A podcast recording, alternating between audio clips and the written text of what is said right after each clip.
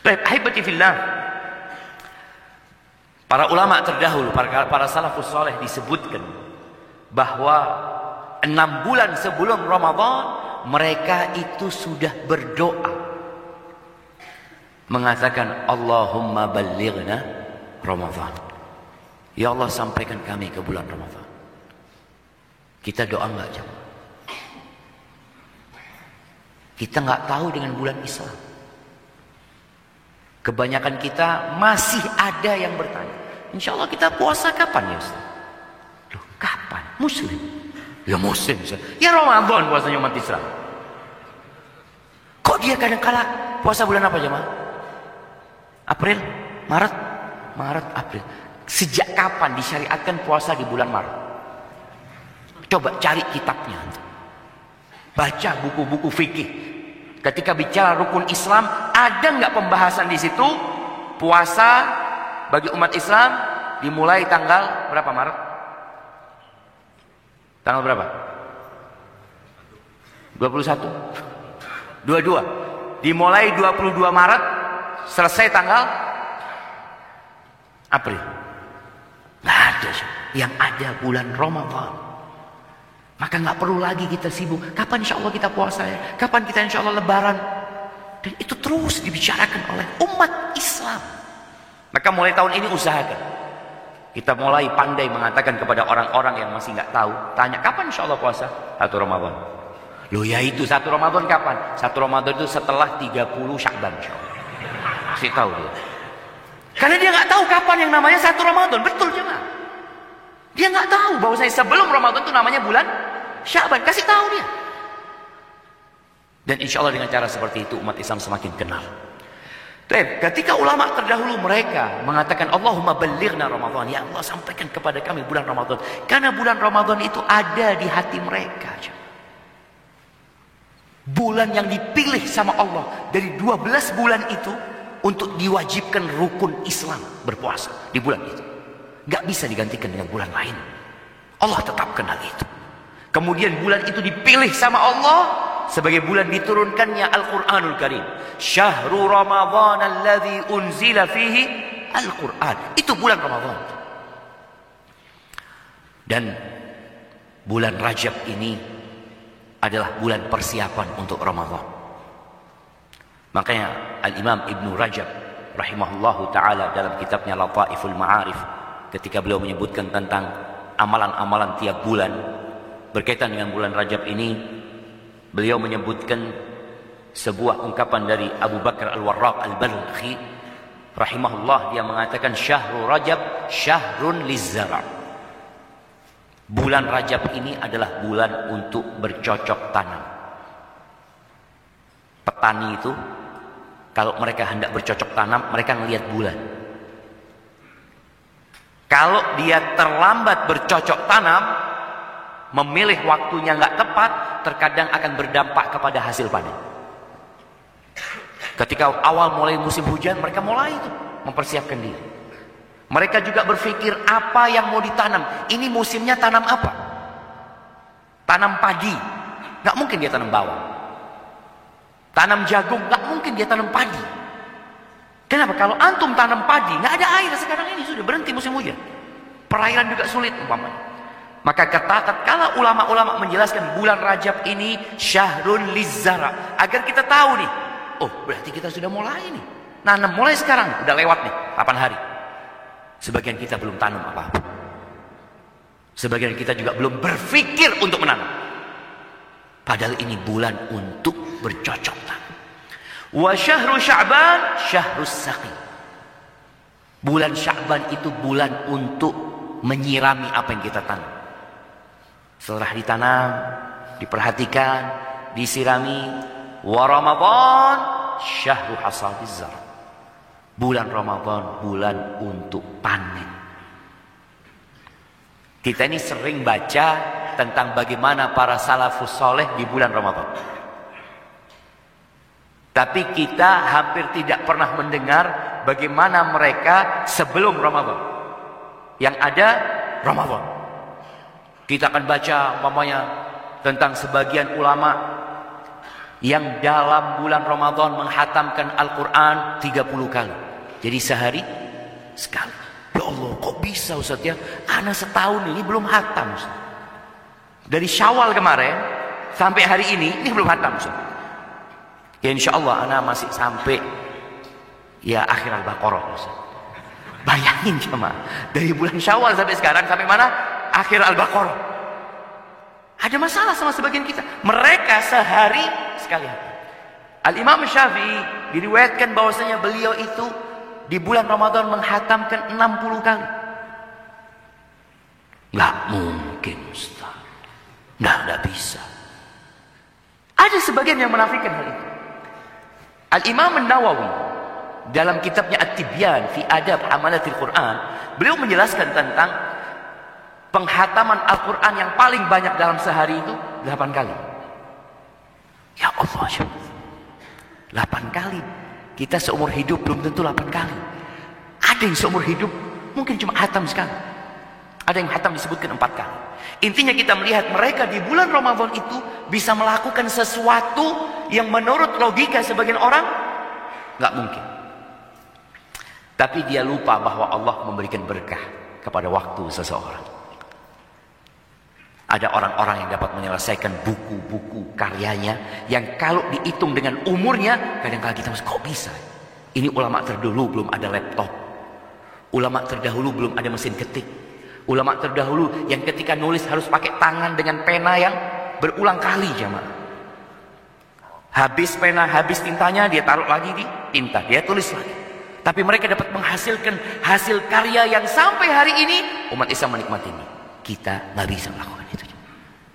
Baca aja nggak selesai. Jangan jangan ngarang buku kita. Baca aja nggak selesai. Maka di sinilah berkah dan juga mereka menjelaskan adanya persiapan dan pelatihan yang dilakukan mereka sebelum bulan Ramadan. Maka mereka mengingatkan paling tidak bulan Rajab itu kita sudah siap-siap. Perlunya persiapan ini sebagai bentuk kita serius. Kita sungguh-sungguh. Perbedaan orang munafik dengan orang beriman. Tatkala ada sebuah momentum. Kalau di masa Nabi SAW itu ya ada panggilan jihad fi sabilillah. Ada ajakan untuk berperang. Yang waktunya itu kadangkala ya insidentil, tidak ditetapkan. Kita mau berangkat bulan ini enggak. Dikatakan ya kita berangkat. Umpamanya tanggal sekian, hari ini. Orang-orang munafik itu jamaah selalu saja punya alasan. Dia datang kepada Rasulullah SAW, ya Rasulullah, anak nggak bisa ikut perang, anak punya acara ini, anak punya ini, punya itu, mohon maaf mereka. Terus seperti itu. Nanti ketika Nabi SAW pulang dari satu peperangan dan mereka tidak ikut perang, mereka datang lagi minta maaf kepada Rasulullah SAW. Ya Rasulullah, kami ini sebenarnya kepingin ikut perang, kepingin berangkat, tapi mungkin anakku sakit, ini itu banyak alasan. Apa kata Allah di surat At-Taubah ayat 46? Walau aradul khuruja la a'addu lahu. Dan jika mereka benar-benar mau berangkat untuk berperang itu, tentulah mereka menyiapkan persiapan untuk keberangkatan itu. Siap tapi nggak jadi. Tapi kan dia mau berangkat. Seperti seorang momen ketika dikatakan, yuk kita berangkat punya acara ini. Dia mengatakan, ya Allah, anak itu tas sudah siap. Semua sudah siap, tapi anak-anak sakit. Ini benar. Dia memang ingin, sehingga dia membuktikan itu dengan persiapan. Apa kata Allah? Walakin karihallahum bi'athau. Mereka memang gak kepingin berangkat. Dan Allah gak suka dengan keberangkatan mereka juga. Fasabbatahum maka Allah melemahkan keinginan mereka. Jadi kemauannya itu Allah bikin lemah. Dan dikatakan waqilah udu ma'al qa'idin. Sudah kalian duduk sana bersama orang-orang yang tinggal yang ikut perang. Begitu pula kita dengan Ramadan. Kita benar enggak ingin mendapatkan Lailatul Qadar? Kita benar enggak ingin mendapatkan vonis bebas dari api neraka di bulan Ramadan? Kita benar nggak ingin puasa?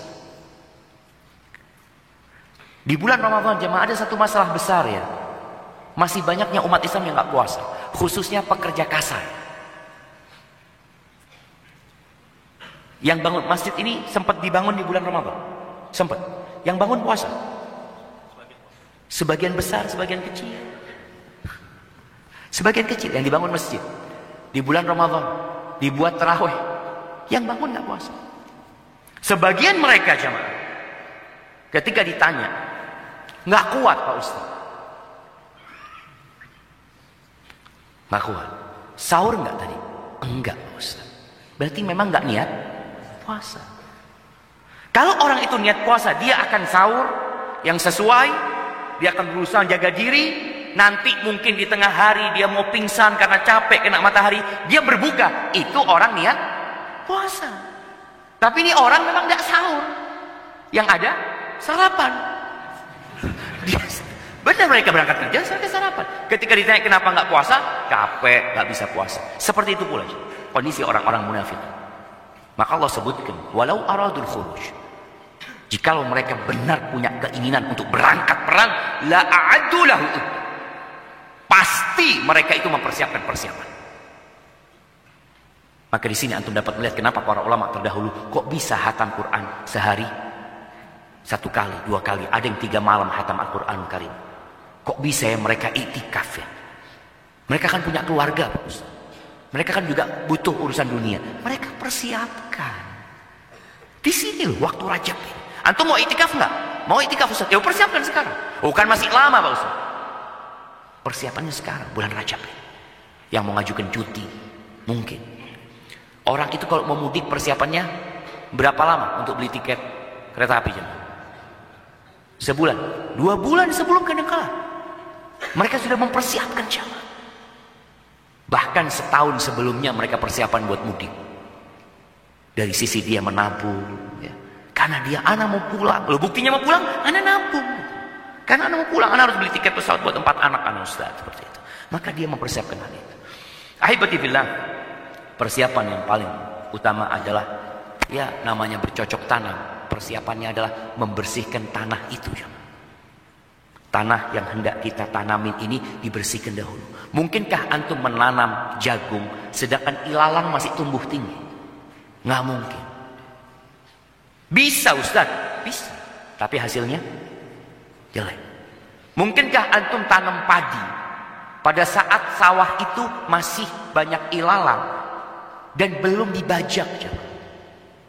Nggak mungkin jamaah.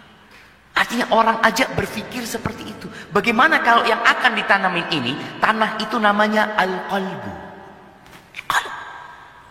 Tempat Allah memandang. Tempat kebaikan itu tumbuh. Tempat keimanan. Tempat ketakwaan.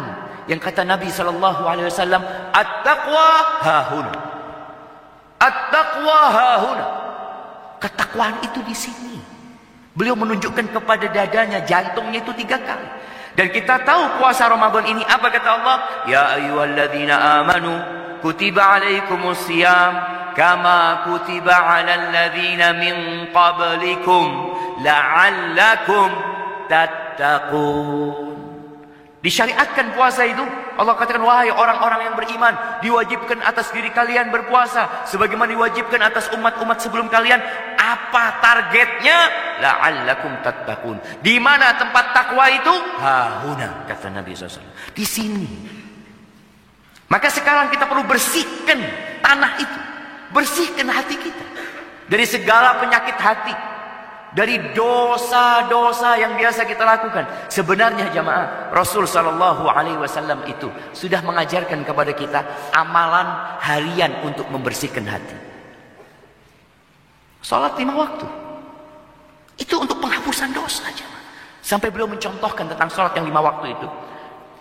Menurut kalian gimana kalau orang itu punya rumah di depan rumahnya itu ada sungai dan dia mandi lima kali di sungai itu jemaah. Bersih enggak? Bersih. Hal baqiya min daranihi syai' Kata Nabi SAW, apakah ada yang tersisa? Apa? Daron itu kalau bahasa Jawanya bolon. Apa bahasa? Apa? Daki. Daki. Kadang-kadang kalau kita kulit kita diginiin, ada kayak lumpurnya ya. Bismillah. Apakah ada yang tersisa? Nggak ada yang tersisa. Itu kalau mandinya bener. Tapi kalau cuma nyem apa? Nyemplung. Nyebur. Nyebur keluar. ya kayaknya nggak berubah nyaman. Yang ada cuma basah doang. Begitu pula dengan kualitas sholat kita. Tak kalau sholat kita yang lima waktu ini berkualitas seperti antum mandi ya, antum sabunin diri antum ya, kemudian antum siram lagi, ada yang disabun kemudian pakai batu ya. Batu apa? Batu gosok tuh ya. Batu apung ya. Oh, batu apung lagi, semakin bersih. Maka anda mengajak semuanya sekarang untuk memperbaiki kualitas sholat yang lima waktu dulu. Untuk penghapusan dosa ini. Gimana sholat antum selama ini? Kita masih sering sholat jamaah masuk ke tempat sholat dalam kondisi pikiran kita masih di mana? Nah, imam tadi rokat pertama baca apa? Yang rasanya jamaah. Sebagian kita baca apa? Tadi anak amin, yang jelas tadi itu amin. Iya. Dan jelas ikut amin dia betul. Setelah itu wallahu Maka coba kita pelajari lagi bagaimana sholat bacaan sholat kita yang mungkin selama ini hanya satu model yang membuat kita terjebak dalam rutinitas sehingga tidak lagi merasakan itu kita tambah dengan bacaan-bacaan yang diajarkan Nabi SAW lain. Momennya selama ini kita sholat itu ruku selalu membaca Subhana Rabbiyal Azim. Subhana Rabbiyal Azim. Kan sah Pak Ustaz? Iya sah. Sampai mati antum baca itu pun sah. Tapi Nabi SAW mengajarkan kepada kita untuk jadi lebih baik. Jadi naik tingkatan kita. Selain baca itu Nabi baca apa mamanya? Subhanakallahumma bihamdika. Allahumma gfirli. Oh Nabi baca itu. Oke anak baca itu lagi. Atau Allahumma laka raka'tu wa bika amantu. Ada bacaan-bacaan Nabi sallallahu alaihi wasallam. Antum tambahin tuh. Supaya kualitas sholatnya nambah. Kemudian yang kedua, bacaan surat. Sebagian kita alhamdulillah sejak dia muda sampai tua, sampai mau mati. Bacaan bacaan suratnya itu lima. Ustaz, kan sah sholatnya sah. Tapi apa antum nggak kepingin nambah gitu? Ana nambahlah, ana nambah insya Allah tahun ini ana mau nambah alhaakumut takatsur. Sudah nambah satu surat, nambah tapi jangan. Makanya kalau antum tiap tahun nambah satu surat umur antum 50 tahun, insya Allah antum hafal 50 surat. Yang umur 40 tahun anggap sudah yang dari umur 1 sampai 10 tahun itu nggak dihitung sudah. Karena dia sudah punya hafalan yang pendek-pendek itu yang dia hafal ketika dia masih kecil, dia punya 40 surat. Sudah hatam juz amma plus 3 surat. Juz amma selesai, tambah al-mursalat, tambah al-insan, tambah al-qiyamah. Itu 40 surat yang umurnya 40 tahun. Tapi kita melakukan itu enggak ya? Oh, jangan memberatkan, Ustaz. Ini bukan urusan memberatkan. Cuma ini setahun sekali nambah satu surat. Tapi kadang-kadang kita nggak punya keinginan aja nggak punya. Tadi kita sebutkan bagaimana Allah menegur orang-orang munafikin. Walau aradul khuruj. Kalau mereka punya keinginan untuk berangkat, buktinya apa? Persiapan. Kalau kita punya keinginan tiap tahun menambah satu surat, buktinya apa? Anda lakukan. Anda lakukan. Tiap hari Anda dengerin Ustaz. Insya Allah jamaah satu bulan antum tiap hari dengarkan Al-Hakumut Takathur, hafal. Insya Allah, nggak sulit. Itu mamanya. Bacaan, tadi bacaan ruku, bacaan Qur'annya, diperbaikin, kemudian bacaan sujudnya. Kita berusaha untuk menjaga kualitas sholat ini. Karena ini termasuk bentuk kita membersihkan hati kita dari dosa-dosa. Kemudian memperbaharui taubat. Nabi SAW tiap hari Tiap hari beliau beristighfar, membaca Rabbil firli wa tub alayya innaka antat tawwabur rahim 100 kali. Ini selain yang kita baca selesai sholat ya. Ini beliau di luar itu. Yang dalam beberapa riwayat disebutkan membacanya itu selesai sholat duha. Rabbil firli wa tub alayya innaka antat tawwabur rahim. Ustaz, itu kan buat orang yang banyak dosanya Ustaz. Anda ini baru pulang umroh Ustaz. Masya Allah. Masya Allah. Jadi sebagian orang ini jamaah, dia merasa masih bersih. Nabi SAW. Beliau benar-benar mengajarkan kepada kita. Agar kita tidak sok suci. Dengan cara apa? Ini orang yang paling suci. Orang yang dijaga dari semua dosa. Maksum Nabi kita SAW. Bahkan Allah mengatakan, Qad ghafarallahu laka ma taqaddama min dhanbika wa ma ta'akhir. Itu sudah diampuni dosa yang lalu dan yang akan datang. Nabi SAW. Nabi beristighfar seratus kali. Sekali duduk. Maka mulai saat ini usahakan tiap hari. Antum punya waktu duduk beristighfar seratus kali. Dihitung. Dihitung. Pakai tangannya itu lebih mulia. Tapi yang nggak biasa ngitung, mungkin bisa pakai tasbih umpamanya. Tapi tasbih ini jangan sampai kelihatan orang. Karena ada orang yang habis pakai tasbih langsung di kelang. Ya sekarang nggak apa-apa, iya nggak apa-apa. Tapi kadang kala jadi ria, kelihatan. Ada yang lebih parah lagi kadang kala antum habis tasbih langsung dikalungkan. Nggak dikalungkan di situ, di gantung di mobilnya. Insyaallah. Supaya kelihatan ini orang ahli tasbih. Ustaz suudzon, Ustaz. Jangan suudzon makanya. Enggak, jangan suudzon. Husnudzon gimana? Mungkin buat hiasan, Ustaz. Nah, itu husnudzon. Iya, mungkin buat hiasan, bukan dia mau menunjukkan dia ahli tasbih. Tapi ingat, itu. Boleh pakai tasbih, menurut pendapat yang boleh pakai tasbih, tapi meninggalkan yang lebih utama. Yang lebih utama pakai tangan kita. Karena ini bicara tentang alat untuk menghitung. Ada yang emak-emak sekarang subhanallah. Pakai yang apa? Yang digital, cincin ya. Ana sampai ngelihat itu dihiasin seperti permata ini itu. Ya Allah, buat apa? Ini alat untuk ngitung. Bukan alat untuk gaya. Tapi akhirnya berubah jadi untuk bergaya. Ingat, bukan. Hanya sekedar alat untuk menghitung. Kalaupun antum mau menghitung banyak orang umpamanya, antum bisa menghitung dimasukkan ke kantong. Itu. Rabbi firli wa tub antat tawwabur rahim. Loh, kan kelihatan mulutnya Ustaz pakai masker. Betul, Anda lihat masker ini juga bisa menjadi alat menyembunyikan zikir kita ya, Antum pokoknya kalau mau zikir pakai masker. Sampai orang ketahuan, oh ini lagi berzikir. Padahal orang udah nggak pakai masker semuanya, dia sendiri kan pakai masker. Tapi intinya kita berusaha untuk menyembunyikan hal itu. Usahakan jemaah setiap hari, mulai hari ini antum sudah.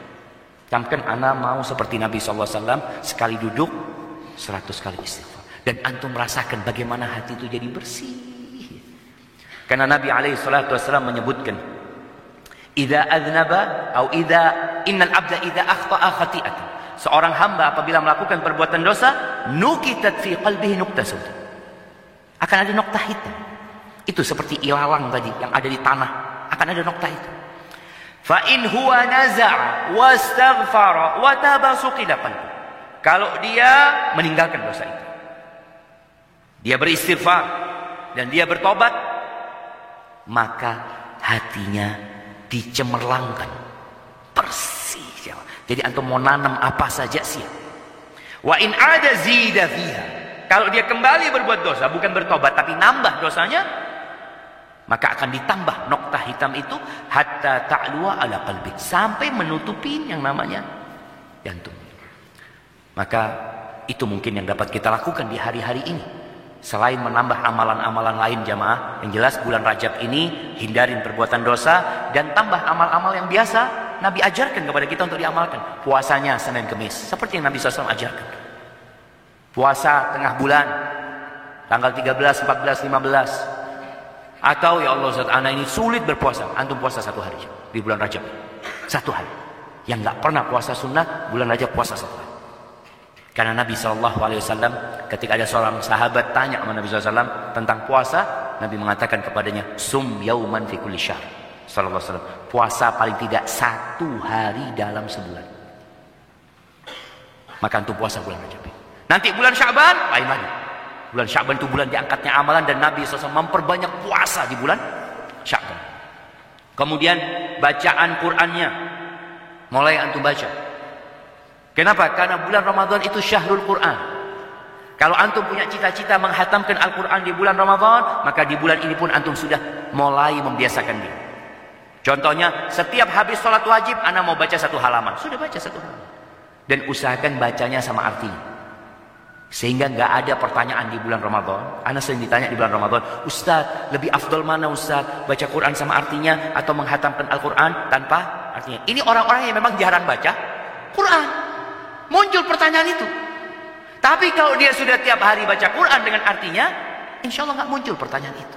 Karena di sini dia sudah terbiasa dengan membaca dengan artinya. Jadi petunjuk dalam Al-Quran itu didapat dengan kita membaca artinya. Pahala insya Allah didapat dengan kita membaca huruf-hurufnya.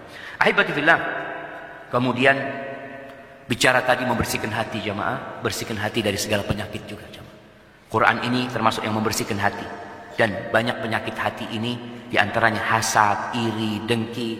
Ada di antara kita yang masih menyimpan dendam sama saudaranya, sama kerabatnya. Tolong diselesaikan bulan ini. Karena bulan Syaban bulan diangkatnya amalannya. Yang punya, yang mungkin tidak bertegur sapa dengan saudaranya. Mulai saat ini antum datang minta maaf sama dia. Dengan itu semoga Allah yang membersihkan hati kita dan kita benar-benar siap untuk masuk ke bulan Ramadan. Allahumma barik lana fi Rajab wa Sya'ban wa bal